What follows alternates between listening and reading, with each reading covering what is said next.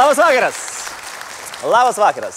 Labą dieną, labas rytas. Laikykitės ten tęsę klajonės po Lietuvą ir primena, kad jeigu mus žiūrite, tai būkite malonus ir užsiprenumeruokite. Paspauskite mygtuką prenumeruoti arba subscribe ten savo kompiuterio šonę ir varpelį. O matot, kaip lengva. Beveik taip pat lengva, kaip pasak Seimo nario Žemaitaičio, numesti 35 kg.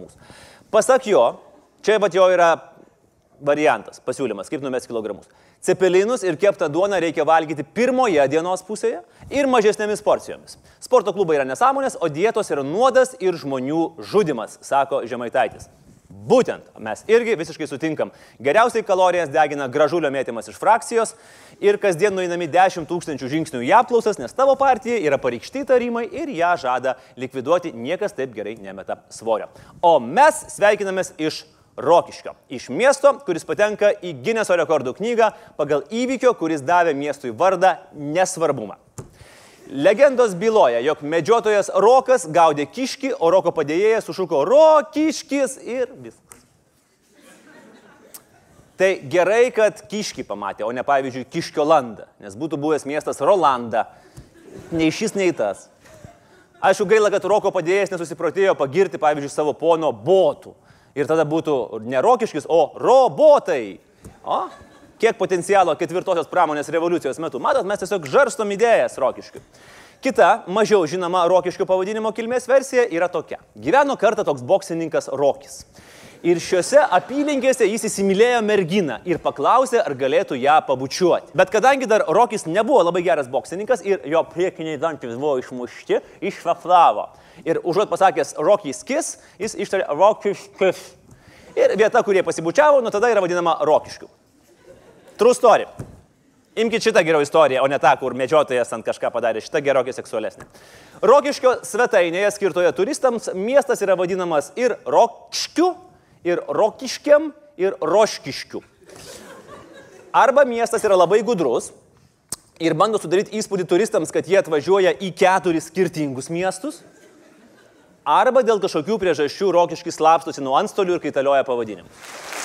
Dar vienas variantas, dar vienas variantas, galbūt už ESO pinigus, nes čia yra padaryta už ESO pinigus šitos svetainės.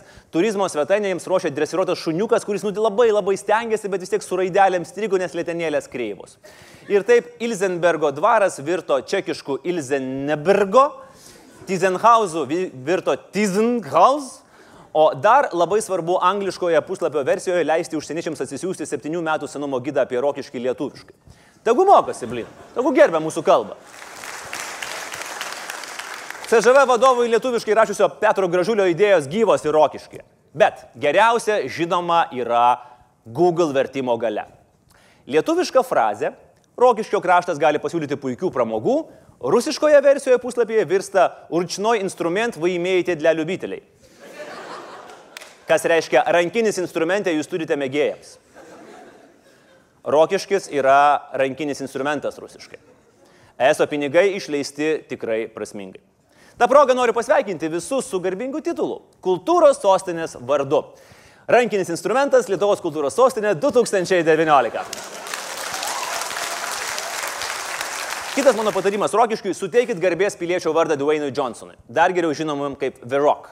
Nes Rokiškis garsėja plačiapečiais vyrukais. Na, pavyzdžiui, būtent Rokiškis Lietuvai davė Algirdą Mykolą Brazauską ir Loretą Graužinienę.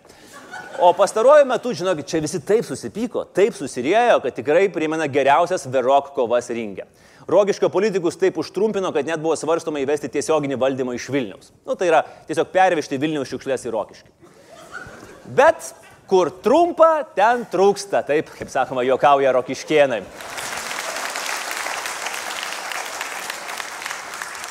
Rokiškis dar turi labai įdomų merą Antaną Vagonį. Antanas Vagonis dar ir yra labai modernus meras, kuris labai mėgsta internetą. Gera vaga, Facebooko nepagadinsi, juokauja Rokiškienai. Spėkit, kiek įrašų Facebook'e per dieną padaro meras? Hm? Na, spėkit, spėkit, spėkit, spėkit, spėkit, greitai. Penkis, dešimt, dvidešimt. Nu ne, nu klausykit, tai, come on.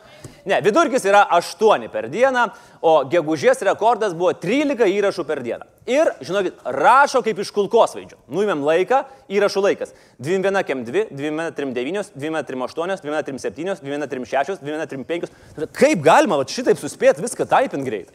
tada 12 PM6, tada 12 11, tada 12 10. Čia yra maladės, nes pašerino laikykitės ten paustą apie šitą renginį. 12 07, 12 06, 7 PM8, 7 PM6. Bet žiūrėkit, matot, tik tai prieš darbą paustina, per pietų pertrauką ir po darbo. Bet žinokit, gal geriau turėti merą, kuris 13 paustų Facebook'e parašo, negu merą, kuris, pavyzdžiui, 13 partinių sugerovų įdarbina arba 13 korupcinių viešųjų pirkimų praleidžia. Yra dar įdomesnių būdų, ką galima savivaldybėje veikti 13 kartų per dieną. Vilniaus rajono savivaldybėje praėjusią savaitę buvo sudaryta tyrimų komisija, kuri nustatė, kad dalis darbuotojų darbo metu kompiuterius naudoja ne pagal paskirtį, naršo po pornografinius puslapius ir žiūri į nogas moteris pornografiniuose puslapiuose apsirengusios moteris būtų labai keista arba labai specifiška. Bet rimtai, nu, rimtai, nuo kada, nu, nuo kada naršyti po pornografinius puslapius nėra kompiuterio paskirtis? Aš, aš taip pats, aišku, nežinau, bet man pusbrolis sakė, kad ten oho, kiek visko daug yra. Tyrimo metu paaiškėjo, kad nederamų elgesių darbe užsimė net keliolika darbuotojų ir dviems iš jų buvo skirtos drausminės nuobaudos. Vienas nubaustųjų nuo kovo mėnesio į pornografinius puslapius buvo užsukęs 1200 kartų. Tai yra maždaug 13 kartų per dieną. Aš sakiau, aš sakiau, mes grįšim prie velnio tuzino. Jeigu darbo diena trunka 8 valandas, tai čia gaunasi po vieną vizitą, kas maždaug pusvalandį. Na, tai pirmas dalykas. Savivaldybę reikia pagirti. Dar niekada savivaldybės darbuotojai nebuvo tokie pajėgus darbe. Kitas svarbus klausimas, o tai, pavyzdžiui, kaip susitikimai, kurie trunka, tarkim, nu valandą. Ar tu vidury susitikimo trumpam išeini, nes bendrojo plano svarstymo svarbus klausimas? Ar po susitikimo apdovanoji save dviem arba trim sesijom iš karto? Na, į svarbiausius klausimus turbūt mes niekada negausime atsakymų. Arba čia tokia metodinė darbinė savivaldybės tarnautojų medžiaga. Nu, pavyzdžiui, ką daryti su interesantu, kuris nori susigražinti žemę Vilniaus rajone ir nėra Lenkas. Ir tarnautojas kompė taip pat pažiūri veiksmų planą. Bondage, spanking, double penetration. O ir žinote, kaip Vilniaus rajonio savivaldybėje vadinamas vieno langelio principas? Glory hole. Arba lenkiškai otvor hvalai. Aš tik primenu, kad Rokiškio savivaldybės turizmo puslapyje Rokiškis yra vadinamas rankiniu instrumentu. Dabar reikime prie smagiausios dalies šitos istorijos. Kaip komisija nusprendė, kad turinys, kurio akis darbo metu džiugino darbuotojų, yra pornografinis? Komisija atliko nuodugnų tyrimą, peržiūrėjo atitinkamas svetainės ir vienbalsiai įsitikino, kad jos yra pornografinio pobūdžio. Svajonių darbas, ne kitaip. Na, man anksčiau yra tekę girdėti, kad žmonės savivaldybėse kažkokiam pornografijam užsiminėja, bet iki galo nesupratau, ką jie turi omeny. Vilniaus rajono merė Marija Rekst, paklausta apie skandalą, atsisakė komentuoti ir argumentavo tuo, kad jai reikia įsigilinti į klausimus. Įsigilinti į klausimus. Dar viena specifinė kategorija.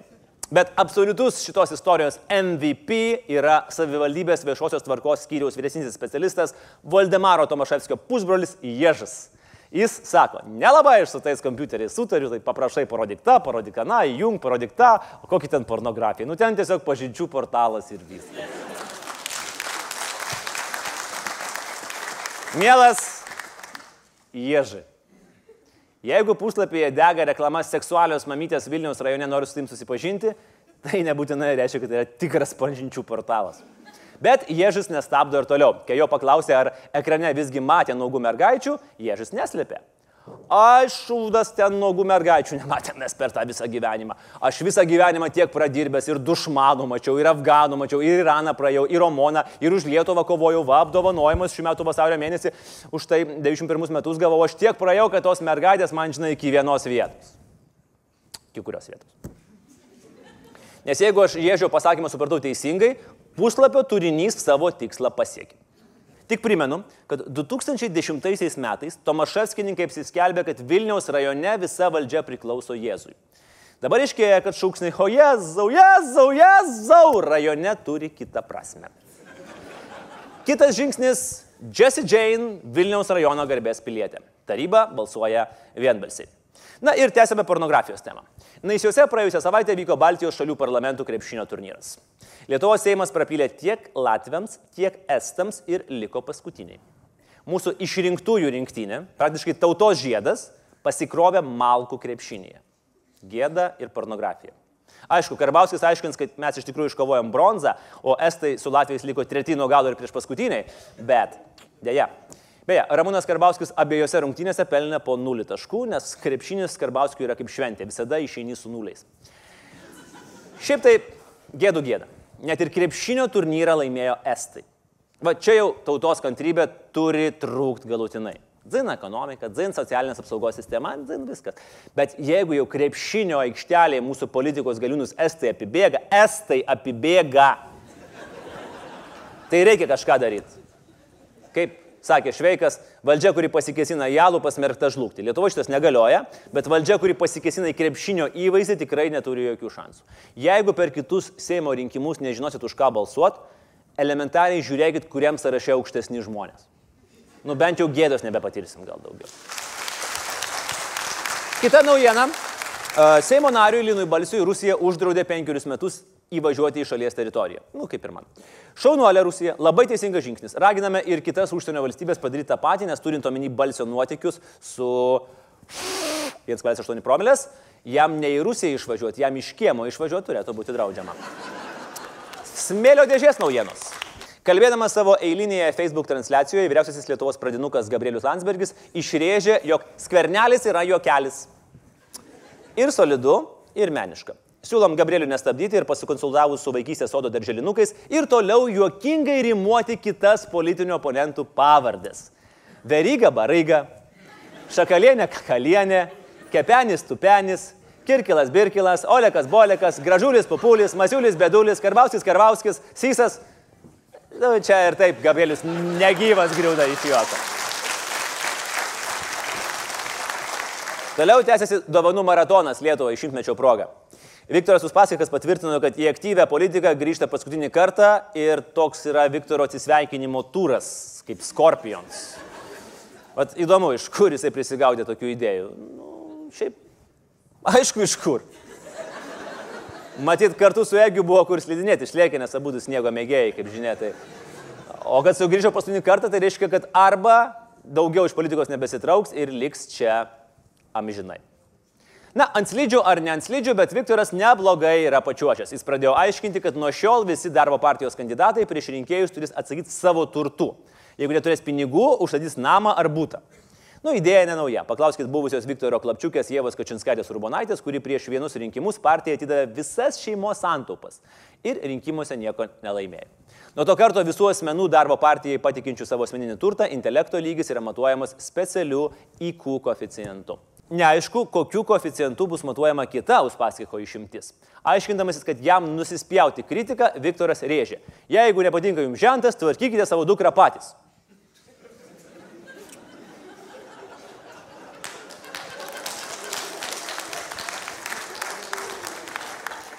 Aš tik primenu, kad Viktoras pats turi tris dukras ir jų pačių labai tikiuosi, kad tėčiui žentai tiks. Na, o geroji naujiena. Praėjusią savaitę sužinojom, kad liberalų valdoma Vilniaus savivaldybė vis dėlto turi kiaušus. Ir ne, čia nėra grįžimas prie Vilniaus rajono porno temos. Tiesiog ilgą laiką memliojusi, kad čia gal Krymo okupacija, garbinantis atlikėjai rusų dienose Vilniuje yra viskas ok, viskas tvarkoj. Vilniaus savivaldybės vadai susijėmė ir pokštelėjo. Skverą priešais Rusijos ambasadą pavadino nužudyto Boriso Nemcovo vardu.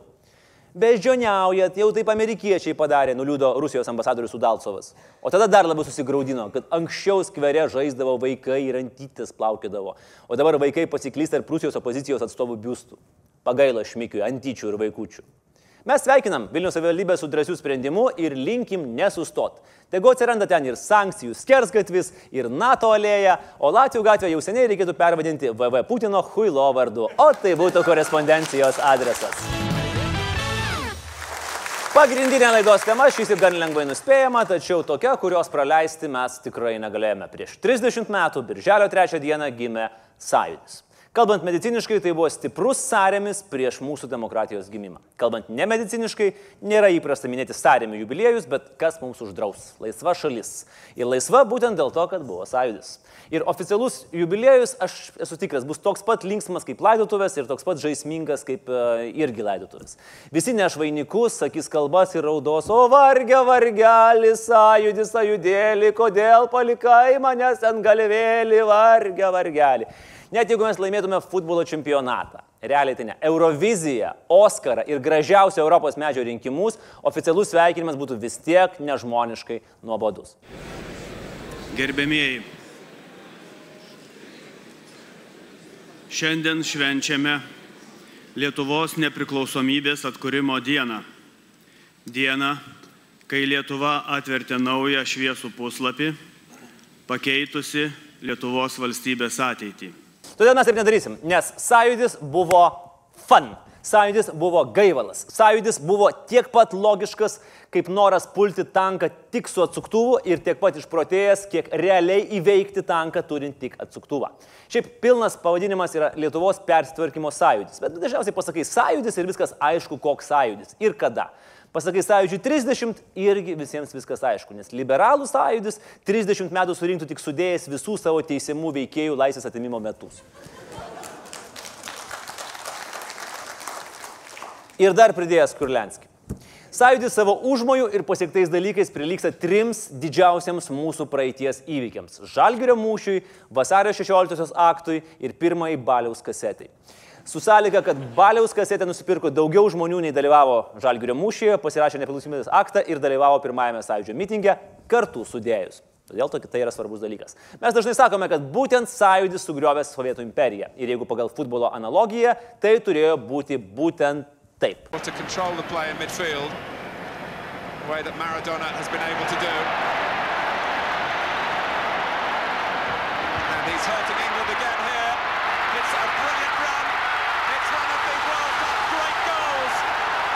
O maždaug taip. Sąjūdis vienas pats apsivarė visas sovietinės gynybos užtvaras ir įrideno įvartį į komunizmo vartus ir imperija iškrito ketvirtfinalyje. Na, tikrovėje buvo šiek tiek kitaip. Toji pati imperija tuo metu jau buvo tokia sklerotinė, tokia paliegusi, na, tokia nemošina, kad šioji futbolo situacija labiau buvo panašesnė galbūt į šitą.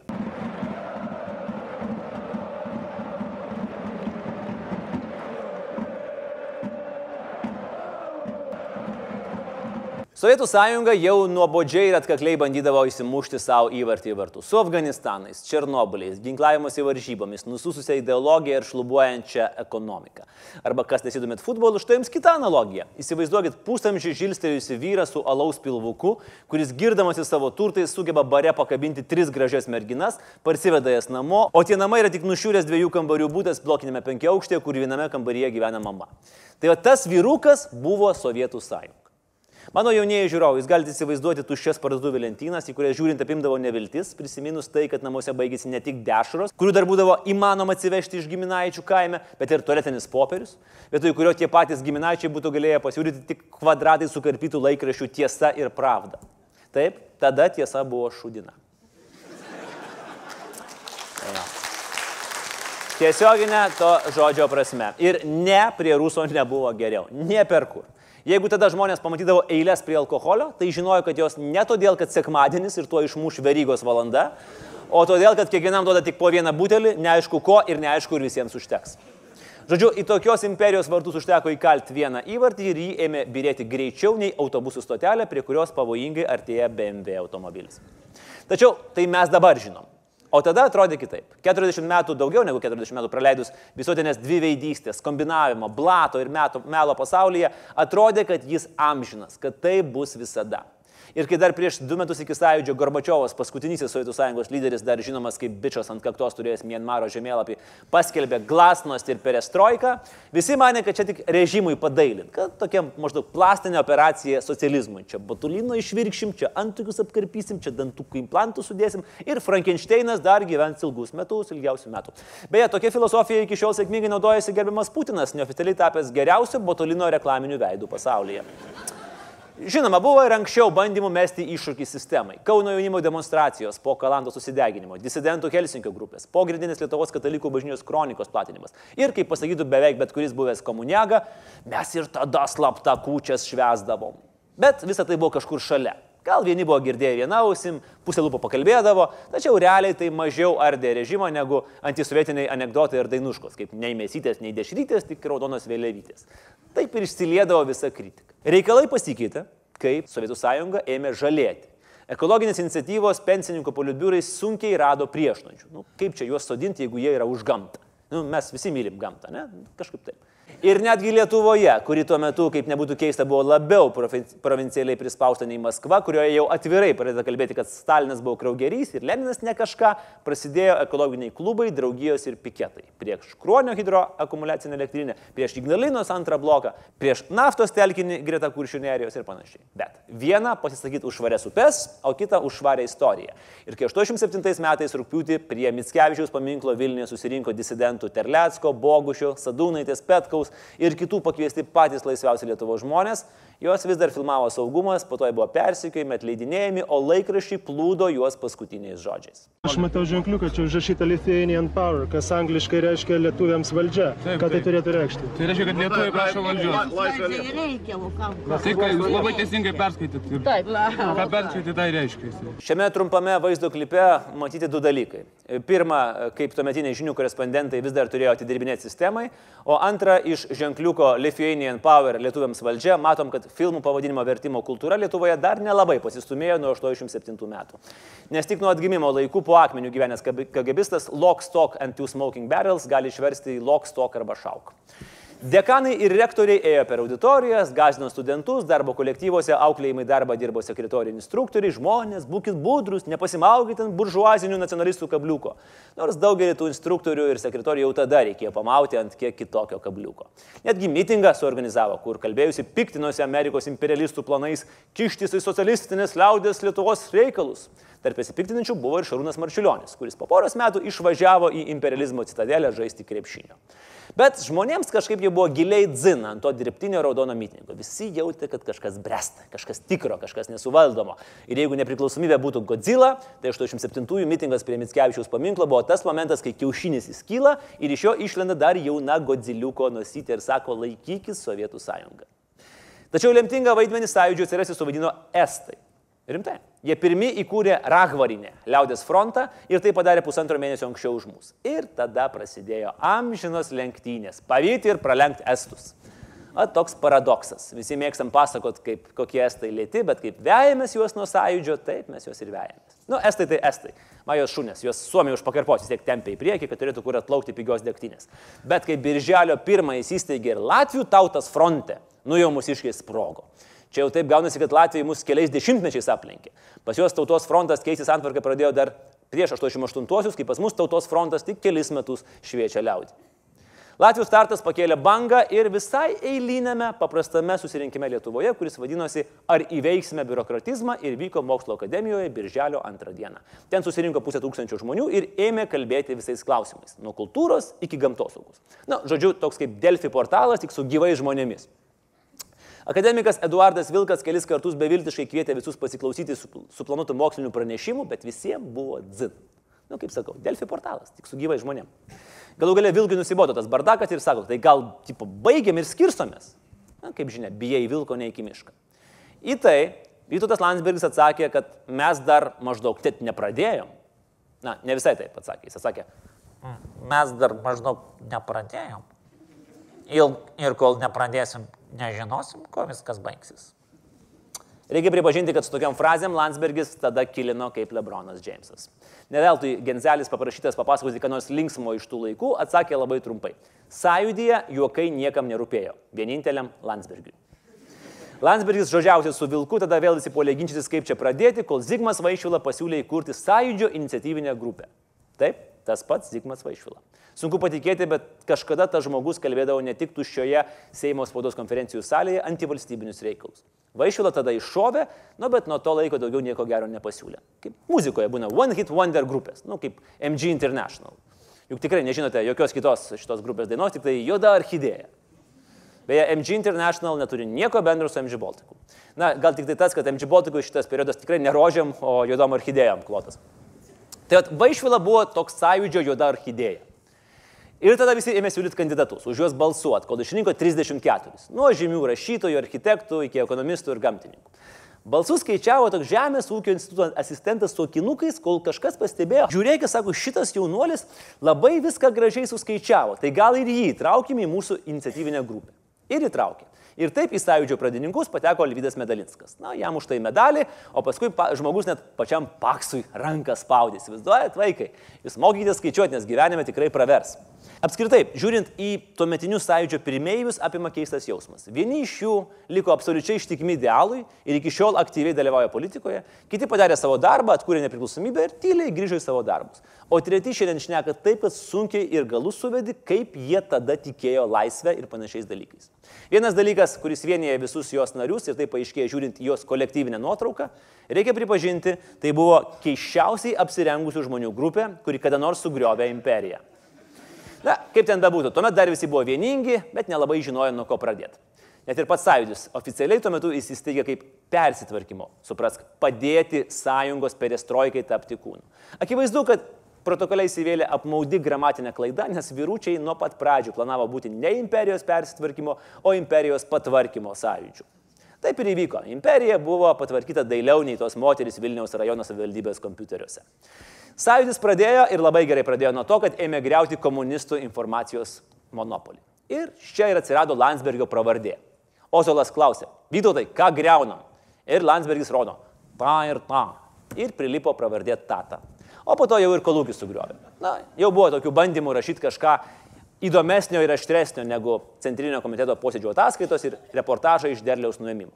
Komjaunimo tiesoje reiškia Vitas Tomkus, tuomet dar drasus žurnalistas, o ne reketininkas, kuris šantažuoja potencialius reklamos davėjus. Gimtajame krašte vėjus kėlė Algymantas Čekuolis, bet didžiausių galvos skausmų komunistams tapo architekto Skučio ir filosofo Jozaičio redaguojamos sąjūdžio žinios, prie kurių netrukus prisijungė ir jau normaliai spausdinamas savaitraštis atgimimas, prasidėjęs nuo kuklių aštuonių puslapių, o netrukus ėmęs storėti. Žmonės juokėsi, kad sąjūdžio būstinėje Gedimino vienas vis storėjama, bet realiai jie turėjo omeny laikraščius, o ne KFC restoraną. Naują ir kitokį žodį žmonės skaitė, dalyjosi, kopijavo, platino, kadangi tais laikais kopijavimo mašinų buvo nedaug, tai kai kuriuose mokslo tyrimo institutuose kopijavimo aparatai keurą dieną daugino sąjūdžio žinių egzempliorius. Čia jums nespama paleis per mailing listą, kad keičiasi privatumo reglamentas, liks su manim Saulėtas jūros krante. Dar kitokių būdų sąjūdžio žinę nešė muzikantai ir neformalai. Iniciatyvinės grupės nario Algirdo Kaušpėdo suburti į roko maršą jie prasinešė per visą Lietuvą ir visur rinko minės žmonių su trispalvėmis. Tiesa, iki to mažai kam pažįstama trispalvė, kai kam tapo ir galvos skausmu. Eugenijus Gentvilas pasakojo, kad prieš 88 metų Liepos 6 eiseną kilo rimti debatai. Vėliavos viršuje turi būti geltona raudona. Jaunesniam žiūrovui priminsiu, kad tada nebuvo nei Google, nei Wikipedijos, kad galėtum tokius dalykus pasitikslinti. Na, gerai, kad niekas spalvos eilės nepasiūlė, nes būtume vėliaviškai susigiminiavę su Kamerūnu ir Gvinėja. Laiku įsikišo Ostamišio istorikai ir užtikrino, kad mūsų vėliava bus gimininga tik Mianmarui. Trispalvės pirmą kartą pasirodė viešai studentų dainų ir šokių festivalyje Gaudiamus, kai minė žiūrovų pavydžiai žiūrėjo į estų ir latvių vėliavas nešamas tuntais ir džiaugsmingai ošė, kai pasirodė tris pirmos mūsiškas trispalvės. Geltona, žalia ir raudona netrukus tapo deficitinėmis medžiagomis, ko ne kiekvienoje šeimoje buvo siūvama bent po vieną, o tie, kas neturėjo siūvamųjų, ėjo pas kaimynus. Ir iki tol tie, kurių mamos dirbo būtinėme kombinate, pavydėjo tiems, kurių mamos dirbo mėsos kombinate, nes iš mėsos kombinato mes, mama parneždavo dešros, o iš būtinio tik tai medžiagų atražas. Bet vat, išmušė ir pastarųjų valanda. Jeigu mama turėjo medžiagos, tu turėjai vėliavą. O turėti vėliavą yra svarbiau nei turėti dešros. Beje, čia yra viena iš svarbiausių sąjūdžio pamokų. Mokykloje šito neišgirsit, todėl pakartosiu. Turėti vėliavą yra svarbiau negu turėti dešros. Ir čia mes ne apie vegetarus. Visi atmintinai mokėjo tautišką giesmę, Lietuva brangi, lietuvis esame mes gimę, o atėjus į pirmosius mitingus galėjai pagalvoti, jog patekai į dainų šventės repeticiją. Pamenu ir save mažą, traukiau vingio parke, kiek tik tai širdis leido, Lietuva brangi, o šalia žmonės stovėjo, šipsojasi, glostė man galvelį ir sakė, vaikeli, tu gal nedainuok. Televizijoje atsirado atgimimo banga ir tai buvo visų laikų didžiausius reitingus turėjusi laida su kalbančiomis galvomis. Būtent jos metu žmonės pirmą kartą pagalvojo, kad Algymantas Čekuolis žino daugiau už Čeką Norisą. Negi tai viskas buvo sklandu? Paklausim. Negi komuniagos kapituliavo, sudėję rankas. Ne, ne, jokiais, jokiais būdais. Tiesa, vieną po kito pleškino ugningus sąjūdį demaskuojančius straipsnius, kurių niekas neskaitydavo, kadangi dėl jau minėto tualetinio popieriaus stygiaus šis spaudos organas buvo skirtas išimtinai išoriniam, o ne vidiniam naudojimui. Paskutinis tikras vietos komunistų pasispardymas įvyko 88 metų rugsėjį. Mitingą katedros aikštėje organizavo Nesąjūdis, kuris tuo metu su komunistais gyvavo tokių buvusių su gerovų konflikto sąlygomis, maždaug mielai išmalčiau tau snukį, bet išsilavinimas neleidžia. Ne, darė Laisvės lyga su didžiausiu disidentų nenorma Vladu Terlecku prieš akiją. Dar ten buvo Volungevičius, Andreika ir kiti sovietinio režimo galvos sopuliai. Ir mitingų tik prasidėjus jį užpuolė milicija ir vidaus kariuomenė buvo paleista į darbą daugiau bananų, negu Lietuva jų matė per visus sovietinio režimo metus. Ir įvykis buvo pavadintas bananų balių. Tada dar niekas net pagalvoti negalėjo, kad tapsime tikra bananų respublika. Žmonės buvo mušami, spardomi, tempiami į mašinas, tačiau po valandos tokio Game of Thrones epizodo milicija kažkodėl atsitraukė. Matyt, baigėsi bananai. Na, o kitą dieną tokių ekscesų pasinaudojo ne tik sąjūdis apkaltinęs komunistus urvinių mąstymų, bet ir patys nacionaliniai mūsų komunistai - Brazauskas su Beriozovu, kurie greitai išpirdolino lauk Maskvos atsiųstą antrąjį sekretorių Mitkiną. Ir jau po kelių dienų įvyko sąjūdžio steigiamasis suvažiavimas, kurio metu pirmą kartą aiškiai nuskambėjo tikslas - Lietuvos nepriklausomybė. Jį išsakė Rolandas Paulauskas. Taip, taip, tas pats Rolandas Paulauskas. Rūlė 2019. Šito žmogaus metamorfozė įdomesnė negu parašytojai Kafkos kūrinyje. Čia kaip vikšras transformuojasi į nuostabų drugį, tik atvirkščiai. Tiesa, tada dar Vytautas Petkevičius ėmė rėkti, kad čia provokacija, kad jokios nepriklausomybės nereikia, reikia tik ekonominio suvereniteto, bet jau tada visi jautė, kad čia tik dienų ir taktikos klausimas, o Petkevičius galvoje pradėjo lipdyti knygą Durnių laivas. Tačiau labiausiai tame suvažiavime įstrigo, kai Brazauskas iškilmingai gražino tikintiesiems Vilniaus arkikatedrą. Masovietiniais metais ten buvo paveikslų galerija. Tuo metu kažkaip komunistų viršininkas pataikydavo kas antrą šūvį. Katedros aikštėje pareiškė, kad nekalbės, kol kabos šitas skuduras, čia mūsų trispalvė, jeigu ką. Tada gražina katedrą. Tada pareiškė, kad į savarankiškos valstybės idėją žiūri neigiamai, nes tai nerealu. Watch me, sako Landsbergis. Jeigu atvirai, man iki šiol galvoje netelpa, kaip nepriklausomos Lietuvos prezidentu mes išsirinkome bičią, kuriam prieš porą metų trispalvė buvo skuduras, o laisva Lietuva nereali. Na ir ne ta prasme, nereali, o nereali. Keiščiausias prezidento rinkimų sprendimas iki 2019, kai turėsim arba žvygį, arba malputę. Jeigu reiktų išrinkti patį didingiausią sąjūdžio renginį, tai nebūtų suvažiavimas ir tai nebūtų net ir mitingai ir net ne pirmieji rinkimai į kelias laisvas aukščiausios tarybos vietas. Ne, tai aišku būtų Baltijos kelias. Šiemet žmonės sunkiai sugeba mažą flashmobą suorganizuoti. 20-30 žmonių, turėdami mobiliakus, smartphone'us, messengerius, Facebook'us ir savo transporto priemonę. Na, vėl, išskyrus socdemus, kurie suorganizuoja flashmobus, bet tokius, kad po to ilgai svajoja, kad visi greičiau jas pamirštų ir, ir YouTube ištrintų ir nieko nerodytų. Tais laikais Sąjūdžio sekretariatas ir jo geroji dvasia Angonita Rupšytė sugebėjo taip suorganizuoti visus sąjūdžio aktyvistus visoje Lietuvoje, kad būtent tą dieną, tą valandą, tame kilometre atsidūrė milijonai Lietuvos žmonių. Milijonai, kurie pasakė, jau bičias, okupacija baigėsi, Ir po šito lažybų kontorose pasipylė statymai, kad sovietinis režimas nebeįsliks. Statėm taip stipriai, kad buvo pradėta kalbėti net apie sutartą rezultatą. Na, žinot, kaip Lietuvos futbolo pirmoje lygoje, kai Klaipėtos koralas prasileidžia 12 įvarčių, nesusirinko tik 10 žaidėjų, vartininkas kažkodėl nueina žaisti į polimą, o po to iš viso išeina iš aikštės. Ir čia, žinokit, yra ne jokelis kvernelis, o reali nesena istorija. Už režimą statė tik kai kurie vakarų lyderiai, kurie baisiai bijojo Sovietų sąjungos subirėjimo į kelias dešimtis skurdžių ir alkanų hanatų ir maldavo neišsibuoti Gorbačiovo laivelio. Prancūzijos prezidentas François Mitteranas viešai pasakė, kad lietuviai viskas užlugdys ir apskritai yra pasigailėjimo verti žmonės. Makronas kol kas šitą frazę tauposi susitikimams po 19 metų rinkimų. Bet sovietiniai partrukai buvo panikoje. Čekolis pamena, kai rajoniniam komitete jo paklausė, o kas bus mūsų raikomui. Jūsų nebus, sako Čekolis. O tai ką mums tada reikės daryti? Verslą pradėti, darbą susirasti, sako Čekolis. The fuck, dude? Mūsų lyderiai ir pagarba jiems už tai į 90 metų rinkimus ėjo su aiškiu tikslu - nepriklausomybė jau pirmosios sesijos metu. Nu, čia tai yra lyg pirmą kartą einant į dainų dainelės atranką iškart paskelbti, kad tavo tikslas pergalė didžiojoje Eurovizijoje. Arba bunkiai pirmą kartą tekant pareikšti, kad dabar tikslas tekėti iki grabo lentos. Nesvarbu, kad, kaip prisimena Rita Miliutė, Landsbergis mokėjo spausdinti tik tai vienu pirštu. Anatomija neklysta. Sovietų imperija parodė didžiausią faką nuo tada, kai Aleksandras Makedonietis piestų pastatė savo bucefalą, vieno piršto užtenka. Rinkimuose sąjūdis nugalėjo triuškinamai, kaip Rokis prieš Ivano Drago. Būtų laimėjęs dar smarkiau, jeigu neryteriškas sąjūdžio elgesys. Nu, pavyzdžiui, Arvidas Jozaitis nekandidatavo prieš Algirdą Brazauską. Sąjūdis nuėmė savo kandidatūrą prieš Vladimirą Beriozovą ir dar kelis tokius progresyvesnius komunistus, palikdamas juos ištaškyti jedinstvo ir Burokevičiaus komunistus. Buvo ir kuriozinių situacijų. Sakysim, druskininkose, kur nuo sąjūdžio buvo iškeltas advokatas Kazimieras Motieka, galėjo balsuoti ir sanatorijose besigydintis personažai iš plačiosios sovietinės tėvynės.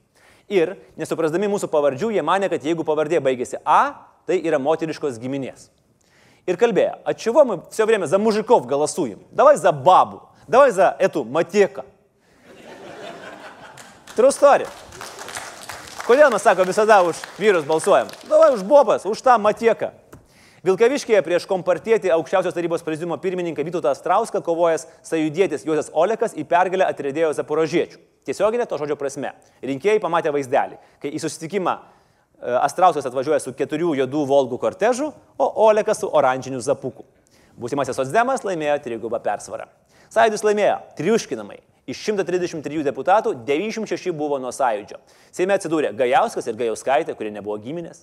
Vaitekūnas ir Vaitekūnė, kurie nebuvo vyras ir žmona. Ir aišku, ypatingoji trijulė Andriukaitis, Andriukaitinė ir Andriukaitis, kurie buvo net ne bendra pavardžiai. Rinkimai atvėrė duris, prie kurias išrėdėjo nedidelė sniego gniužtė, vėliau virtusi sniego lavina, pasiekusi loginį rezultatą tą vėsų 90-ųjų pavasarį. Susirinkus naujai aukščiausiai tarybai, tai įvyko. Nepriklausomybė buvo atkurta ir jokios po to padarytos sąjūdžio klaidos to neužgoš. Taip, galėjo sąjūdis suvokti, kad jo darbas atliktas ir pasileisti. Galėjo iškart skirstytis į partijas, kaip tai padarė Estai, vėl tie Estai, ir nestabdyti natūralaus politinio proceso. Galėjo išvengti ekskomunistų stiprėjimo, neleisdamas jiems pasijusti apsuptyje ir siekti revanšo. Galėjo, norėjo, neišėjo. Sąjūdis buvo tas Mauras, kuris padarė savo darbą ir išėjo. Neraudokim jo paskapą, prisiminkim juos tokius, kokie jie buvo. Jauni, prastai apsirengę, užsilipę ant barikadų, nebijantis paties velnio. Save pusiau jaukais vadinantis driskiais, nes nieko neturi, bet iš tiesų nieko jiems ir nereikia. Išprotėję svajotojai, kurie sugriovė imperiją taip, kad Liukas Skywalkeris rūkė kamputyje ir pritariamai linkčiojo. Nelaukim antro tokio sąjūdžio, nes antro tokio niekada nebus. Savo didįjį tikslą laisvę jau pasiekėm. Belieka daryti tai, ko mokėmės jau 30 metų nuo sąjūdžio įsikūrimo - išmokti ją naudotis. To ir palinkėčiau jaunai mūsų demokratijai.